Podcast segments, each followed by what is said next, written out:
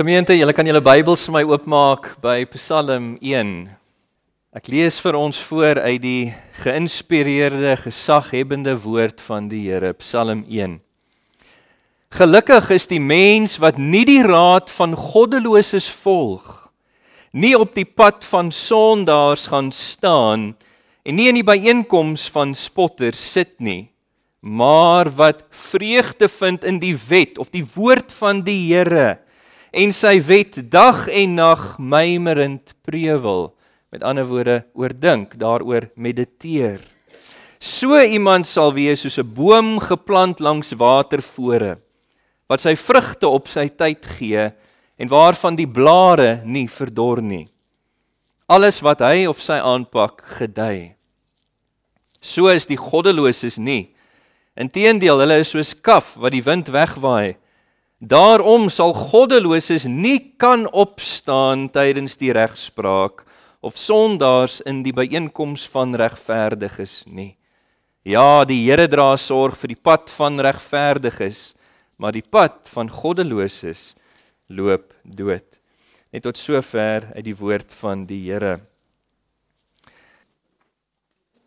Die tema wat ek met julle gaan behandel vanuit hierdie Psalm vanmôre is ware seën geluk en voorspoed. En ons gaan beoog om die vraag te beantwoord vanuit die woord van die Here: Wie is werklik geseënd, gelukkig en voorspoedig? Wat sou jy sê beteken dit om werklik geseënd, gelukkig en voorspoedig te wees? Verskillende mense sal hierdie vraag op verskillende wyse beantwoord afhangende van wat hulle definisie van seën, geluk en voorspoed is. Jy sien sommige definieer dit in terme van rykdom. As hulle meer as een eiendom het wat vir hulle geld verdien, as hulle 'n sekere hoeveelheid geld in die bank het of as hulle beleggings besit van 'n sekere waarde of as hulle 'n sportmotor het om mee te spog of dalk sekere name brand sonbrille of klere kan dra of dalk 'n luukse leefstyl kan handhaaf waar hulle elke dag uit eet dan sal hulle self geseënd, gelukkig en voorspoedig ag. Ander definieer dit weer in terme van prestasie of sukses. As hulle 'n sekere pos of 'n titel kan beklee, dan sal hulle regtig gelukkig wees of 'n sekere toekenning kan inpalm of 'n sekere rekord kan breek of 'n sekere uh um, groepkanaal of spankanaal. Ander definieer ware seën, geluk en voorspoed weer in terme van geleerdheid. As hulle 'n sekere graad of grade kan verkry of as hulle meer kennis het as die volgende persoon, dan sal hulle gelukkig wees. Ander weer definieer dit in terme van innerlike gemoedstoestand en dink dat hulle gelukkig sal wees, werklik gelukkig as hulle in beheer van hulle lewens kan wees en sodoende konsekwent rus kan beleef of as hulle plesier kan beleef of liefdevol kan wees ensovoorts. Ander definieer weer ware geluk in terme van hulle familiesituasie, as hulle die leksede van die wêreld aan hulle gesinne kan bied of as hulle kinders sekuriteit het of as hulle ouers versorg en gelukkig is of as hulle gesin net op 'n sekere plek kan bly en so voort. Is dit dalk hoe jy ware seën, geluk en voorspoed definieer? Wat sou jy sê beteken dit om geseënd, gelukkig en voorspoedig te wees? Ons elkeen wil tog geseënd, gelukkig en voorspoedig wees, nie waar nie? En ons elkeen het ons eie idees uh, omtrent wat dit beteken om gelukkig te wees. Maar wat meer belangrik is as jou en my idees oor ware geluk, is dit hoe God in sy woord ware seën, geluk en voorspoed definieer. Dis die ware seën, die ware geluk, die ware voorspoed wat ons as Christene tog in ons lewens wil hê nie waar nie. Nou Psalm 1, die teks wat ek vir julle vanoggend met ons skriflesing voorgeles het en wat ons nou gaan behandel, dit bied aan ons God se definisie van ware seën en geluk en voorspoed. En die psalmskrywer kommunikeer dit aan ons deur middel van 'n vergelyking van twee paaie of twee weë en die individue wat hulle self op daai paaie bevind. So vanoggend gaan ons aandag gee vanuit God se woord aan God se definisie van ware seën, geluk en voorspoed. God se definisie van ware seën, geluk en voorspoed, sodat ons nie tyd sal mors in ons lewens deur valse bronne daarvan na te jaag nie, maar eerder dat ons ons idees daaromtrent sal vorm in lyn met God se woord en dat die ware seën, geluk en voorspoed waarvan in ons teks gepraat word, dat dit ons realiteit sal wees. Amen. Kom ons sluit ons oë en eh, dan vra ons net die Here se hulp voordat ons in die teks begin delf. Hemelse Vader, as ons na u gesaghebende, geïnspireerde, foutlose, algenoegsame woord, die Bybel toe kom, is dit met gewydheid en respek. Here, ons ag hierdie boek vir wat dit werklik is, die hoogste bron van gesag en waarheid, die openbaring vanaf God aan die mens en ons buig die knie daarvoor en vra dat U deur die Heilige Gees nou met ons sal praat deur U woord. Dat hy wat dit vir ons geïnspireer het ook vir ons dit sal oopbreek nou en ons sal verlig om 'n diepe begrip te hê vir wat U in U woord sê en dat dit ons lewens mag impakteer en transformeer vir tyd en ewigheid. Doen dit vir ons in die naam van Jesus Christus. Amen. Die primêre punt wat die psalmskrywer maak in Psalm 1 is dit: Ware seën, geluk en voorspoed is die voorreg van alle Godvreesendes. Ware seën, ware geluk, ware voorspoed, hoor my mooi, is die voorreg van alle Godvreesendes. Kom ek lees vir julle weer Psalm 1 vanaf vers 1 tot 3 en julle kan saam met my volg in julle Bybels. Gelukkig is die mens wat nie die raad van goddeloses volg, nie op die pad van sondaars gaan staan en nie in die byeenkoms van spotters sit nie, maar wat vreugde vind in die wet van die Here en sy wet dag en nag mymerend prewel. So iemand sal wees soos 'n boom geplant langs watervore wat sy vrugte op sy tyd gee en waarvan die blare nie verdor nie.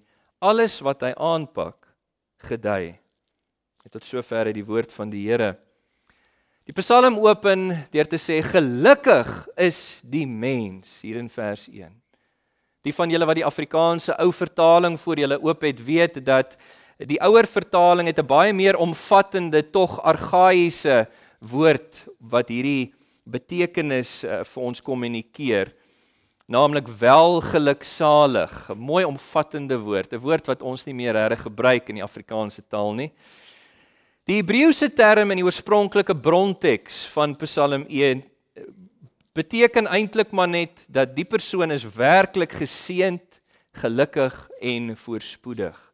En daarom vertaal die 1983 nuwe Afrikaanse Bybel dit vir ons dit gaan goed met die mens wat hier beskryf word. Nou hierdie mens van verse 1 tot 3 wat beskryf word as gelukkig word in vers 4 gekontrasteer met goddeloses. En hy word in vers 5 uh, geassosieer, geïdentifiseer met godvreesendes of regverdiges. En hiervan uit lei ons af dat die psalmskrywer na 'n wedergebore mens verwys wat vorentoe kyk met geloof na die beloofde Christus wat sou kom. Wedergeboorte is die wonderwerk van innerlike harttransformasie wat die Heilige Gees verrig in die hart van die mens wat glo in Jesus Christus as sy verlosser en Here. So ons lei af. Dis dis dis duidelik. Ander bewyse dat hier van 'n wedergebore persoon of mens gepraat word in verse 1 tot 3 is hy te afskie aan sonde. 'n Belangrike ding wat ons moet raak sien, 'n afskie aan ongeregtigheid. Ons lees dat hierdie persoon vermy die raad, die pad, die byeenkoms van die goddeloses, die sondaars en die spotters. Kyk wat sê vers 1. Gelukkig is die mens wat nie die raad van goddeloses volg, nie op die pad van sondaars gaan staan, nie in byeenkomste van spotters sit nie. Nou dit getuig van 'n vernuwe hart, nie waar nie? 'n Nuwe aard wat slegs moontlik is deur wedergeboorte. Hierdie wedergebore mens wat beskryf word as gelukkig hier in die teks, sien ons vermy die raad van goddeloses juis omdat God hom deur wedergeboorte innerlik vernuwe het. Hy of sy gaan soek nie vir raad en uitkoms by sekulêre howe of owerhede wanneer hulle in 'n dispuut is met 'n medegelowige nie. Hulle gaan soek nie vir raad en uitkoms by humanistiese sielkundiges wanneer hulle huweliksprobleme het of sukkel met 'n neergedruktheid nie. Hulle gaan soek nie vir raad en hulp met betrekking tot hulle toekoms by fortuinvertellers en in die ligging van die sterre nie. Hulle gaan soek nie raad of hulp vir 'n suksesvolle lewe by bedrieglike motiveringssprekers of sogenaamde gurus nie. Hulle gaan soek nie vir raad by enige baas, enige bestuurder, enige kollega, enige buurman, familielid, vriend of vriendin of enige kennis wat nie die Here ken nie. Deur die reddende genade van God in Christus Jesus wat hulle innerlik vernuwe het, het daar 'n nuwe lewenspatroon by hulle ontstaan om juis die raad van goddeloses te vermy, soos ons in die teks sien. En nou wil ek vir jou persoonlik vra, is dit die geval met jou? Of volg jy nog die raad van godloses en goddeloses? Ons sien ook dat hierdie wedergebore mens wat beskryf word as gelukkig in die teks, vir my ook die pad van sondaar sê vers 1 hier vir ons. Dit wil sê hy hy doen nie soos die sondaars doen nie, hy doen nie soos die sondaars doen nie, juis omdat God hulle deur wedergeboorte innerlik vernuwe het. Die persoon wat hier beskryf word, drink hulle self nie dronk nie. Hulle verdoof hulle self nie met pille nie.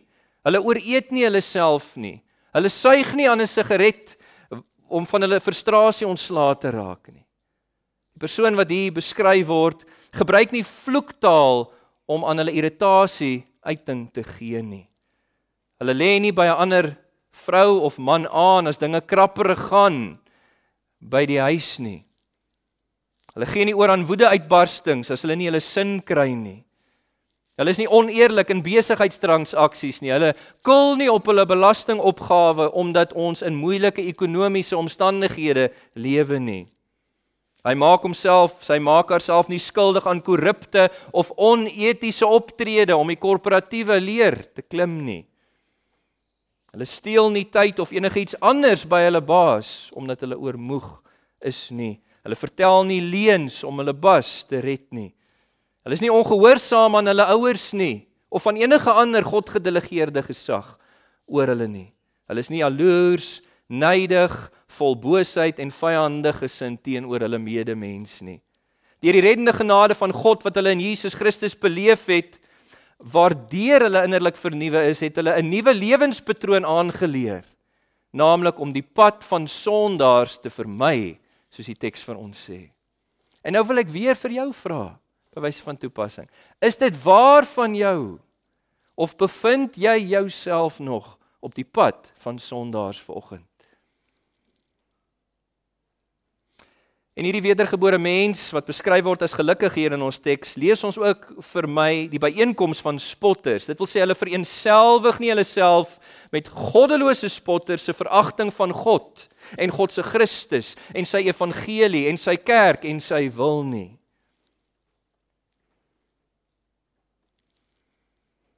Juis omdat God hulle innerlik wederbaar het en getransformeer het.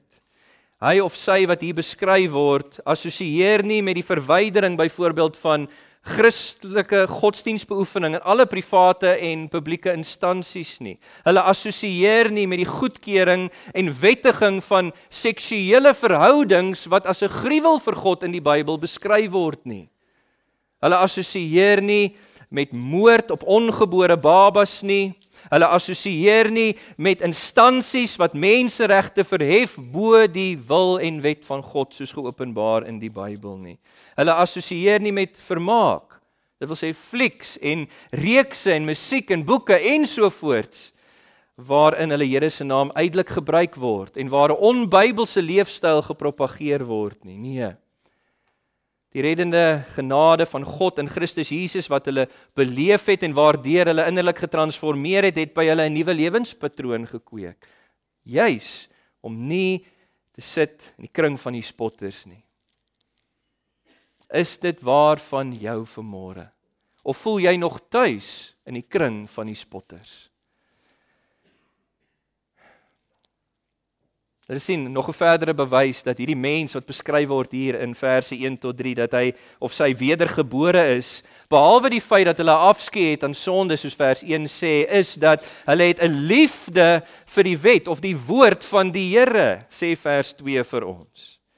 Ons lees hier maar hy of sy is een wat vreugde vind in die wet van die Here en wat sy wet dag en nag mymerend prewel, met ander woorde dit oordink en daaroor mediteer dag en nag konstant sonder ophou. Hulle is lief vir die wet en die woord van die Here.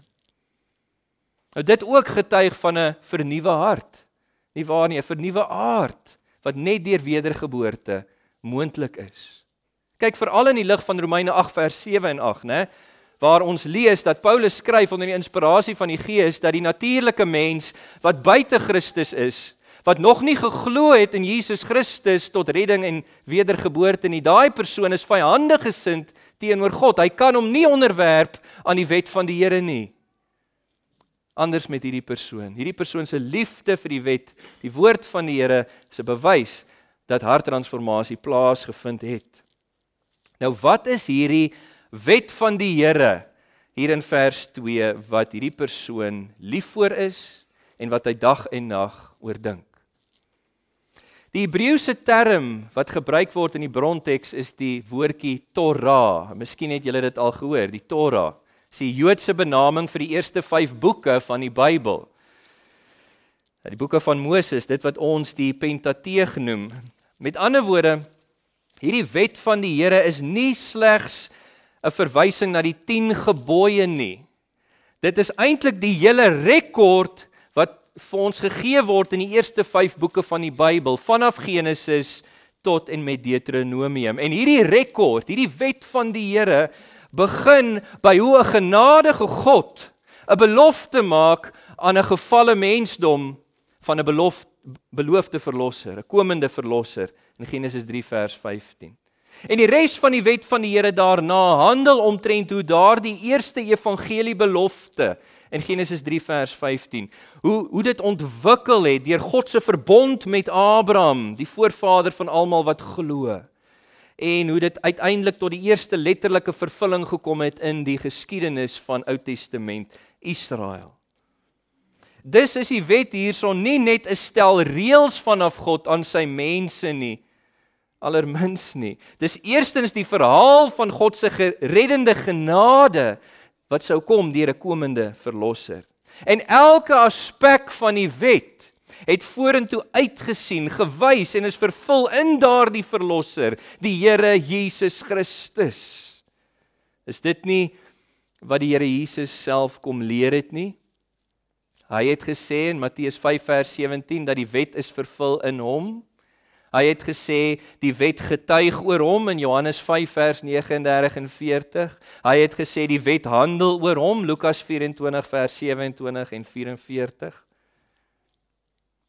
En daarom lei ons af, hierdie mens wat van gepraat word in verse 1 tot 3 het uit die aard van die saak op grond van die wet van die Here tot geloof in hierdie komende verlosser gekom, in die Here Jesus Christus.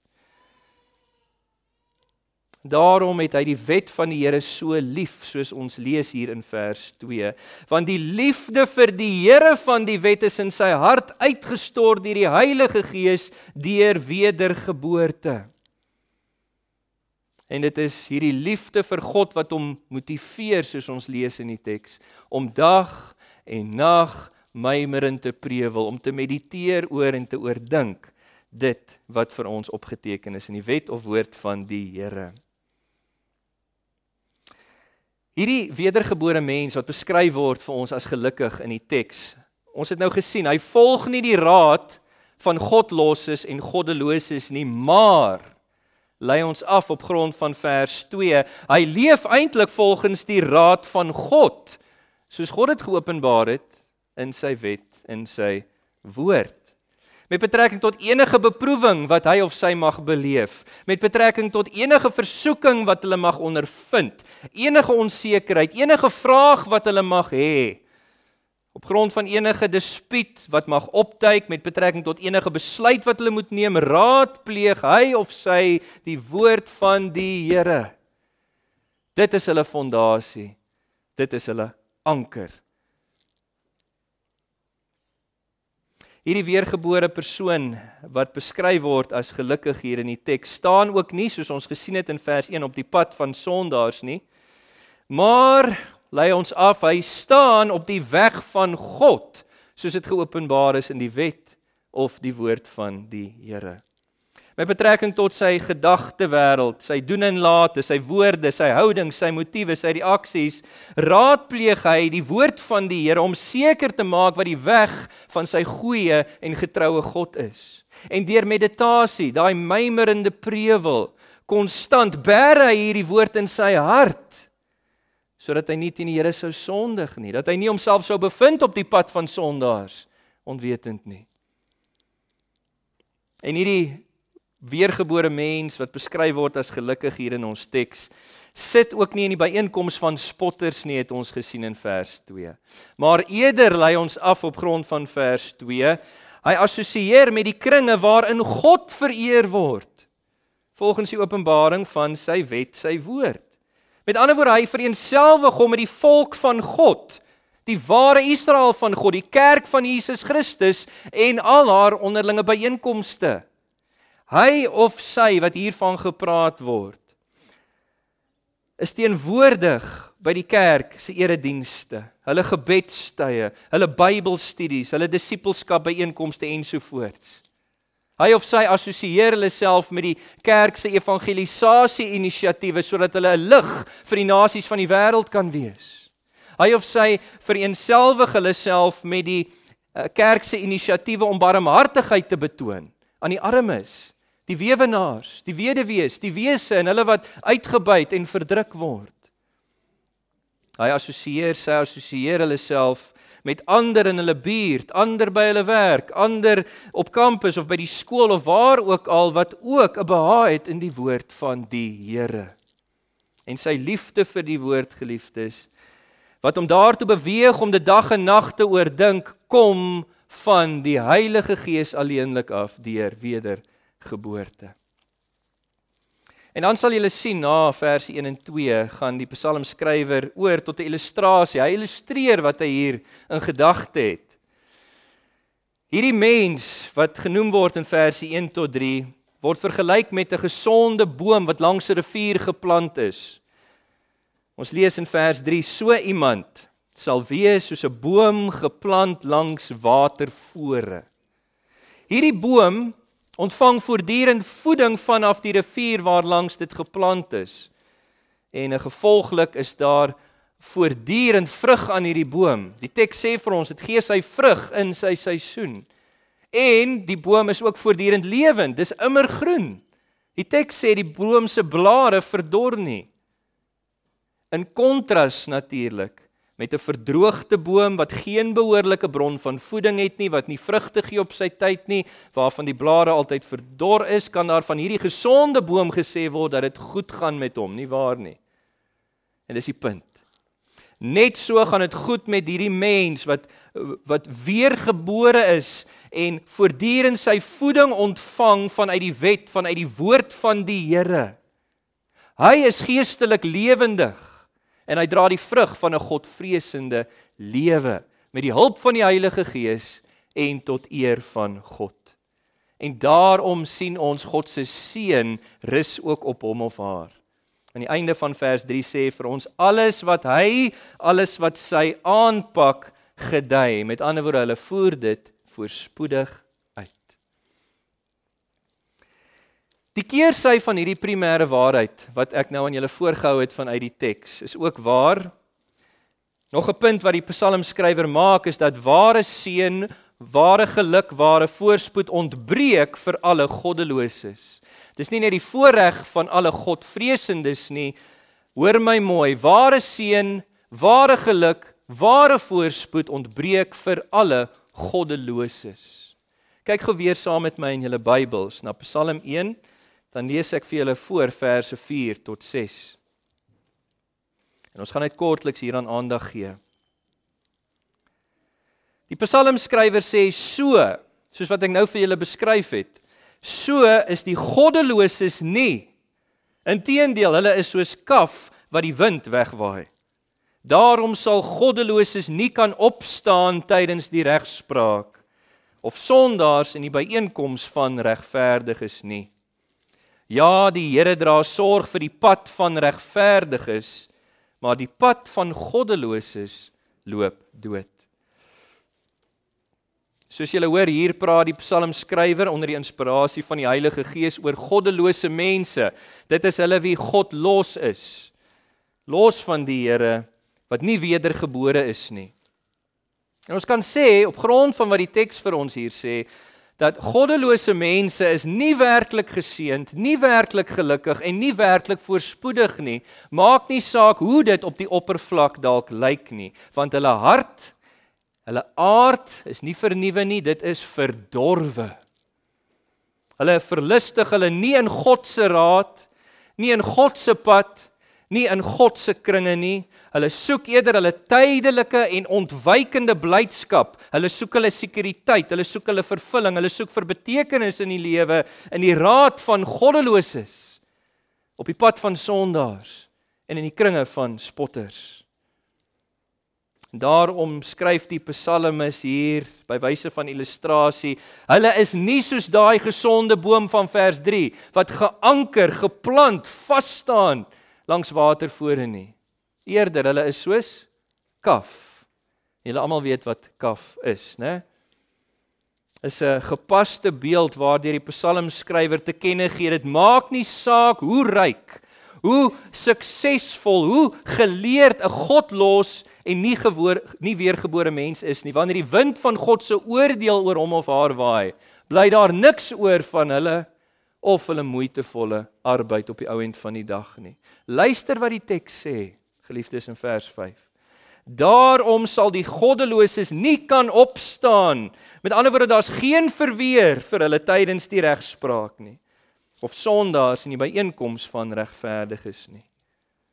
En die slotsom die konklusie waartoe die psalmskrywer hier kom is dat die pad van die wedergeborene die godvreesende mens van vers 1 tot 3 eh, dit wil sê sy hele lewe wat insluit sy ingesteldheid sy gedagtes sy woorde sy dade dit alles behaag die Here die Here word verheerlik deur die pad van hierdie regverdige of godvreesende persoon en daarom lees ons ook in vers 6. Die Here dra sorg vir hierdie pad van die regverdiges.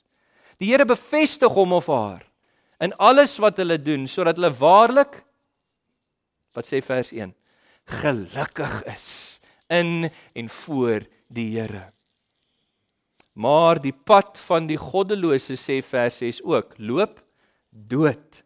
Die goddelose mens met ander woorde is en sal nooit werklik gelukkig wees volgens God se beskrywing van die woord nie.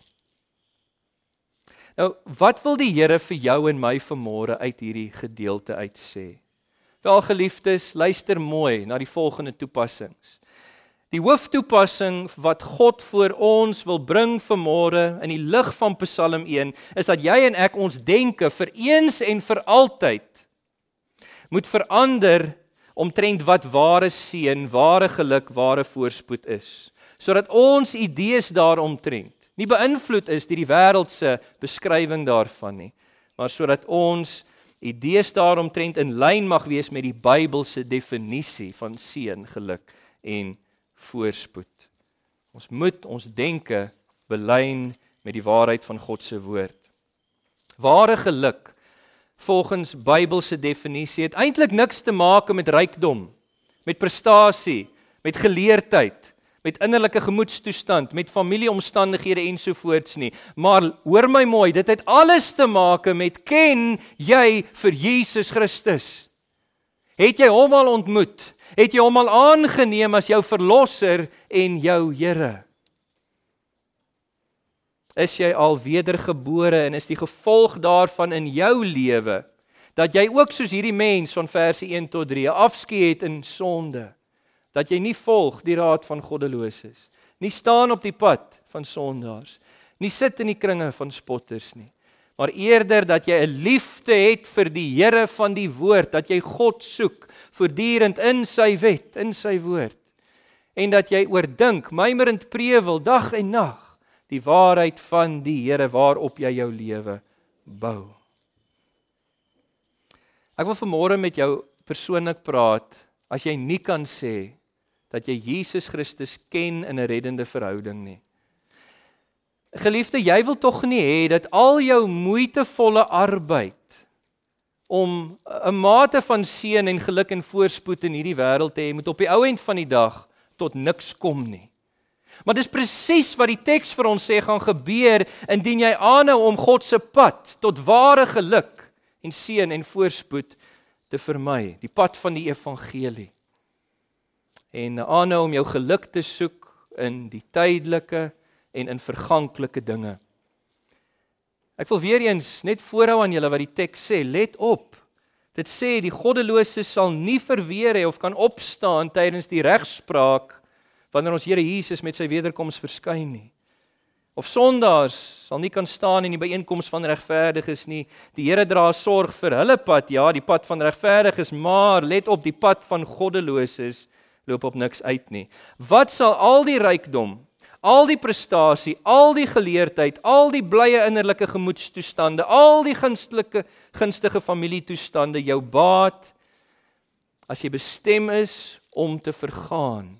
Want jy het nooit werklik die Here Jesus Christus geken as jou verlosser en Here nie. En hy het nooit vir jou geken nie.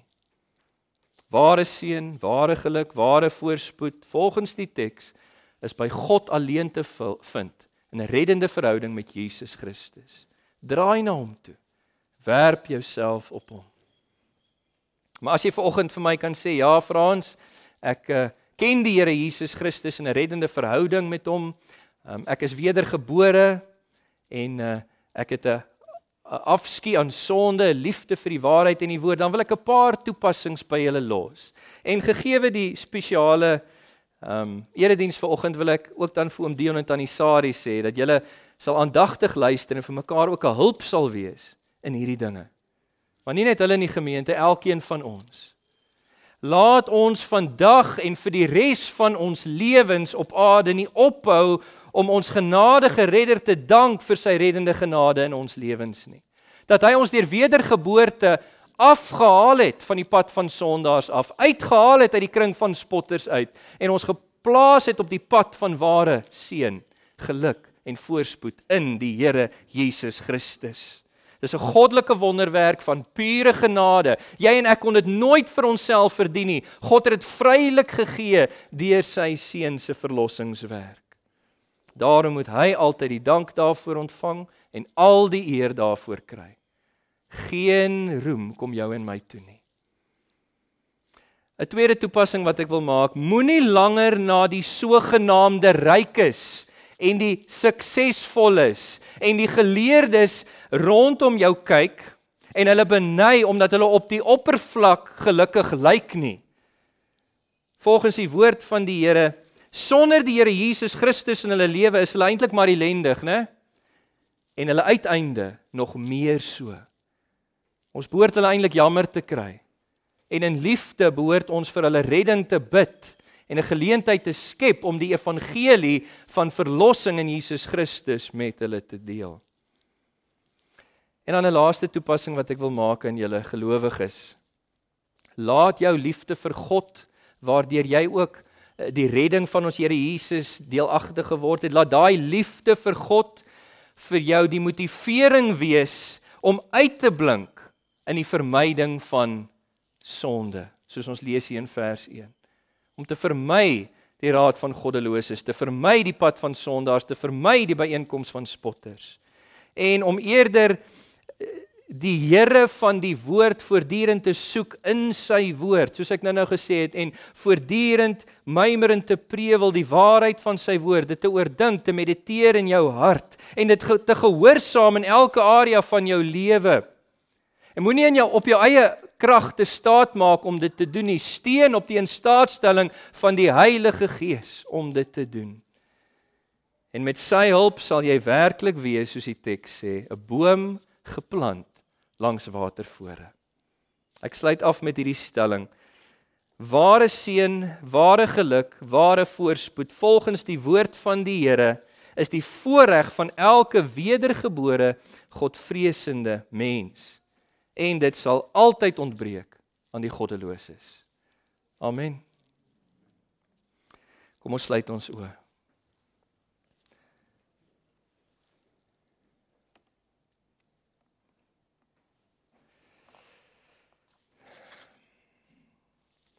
Dierbare Hemelse Vader, ons loof en ons prys U naam, Here, dat U woord weer eens so duidelik na ons toe gekom het, dat U woord so prakties is. Dankie dat U, Here, ons gebed verhoor het en kom praat het met ons deur U woord en Gees. En ek wil nou bid dat U die naprediker van U woord sal wees in die harte van elkeen wat dit hoor. Here, dat U vir hulle sal aanhou help om die diepte te sien in dit wat U geopenbaar het en dat hulle as hulle Jesus Christus nog nie ken as verlosser en Here en Here dat U hulle sal trek met koorde van liefde. En dat U hulle sal bevestig in 'n reddende verhouding met U self in Christus. En ook vir ons, Here, dat U vir ons sal help om U seën, U geluk, U voorspoed na te jaag in Christus Jesus. Volgens die wyse wat vir ons beskryf is hier. In Jesus naam. Amen. Gemeente, ek groet julle in die wonderlike, die verhewe naam van ons Here Jesus Christus. Mag sy genade, die liefde van die Vader en die gemeenskap van die Heilige Gees met julle elkeen wees vandag en in die week wat voorlê. Gaan verheerlik die Here en geniet hom ten volle. Amen.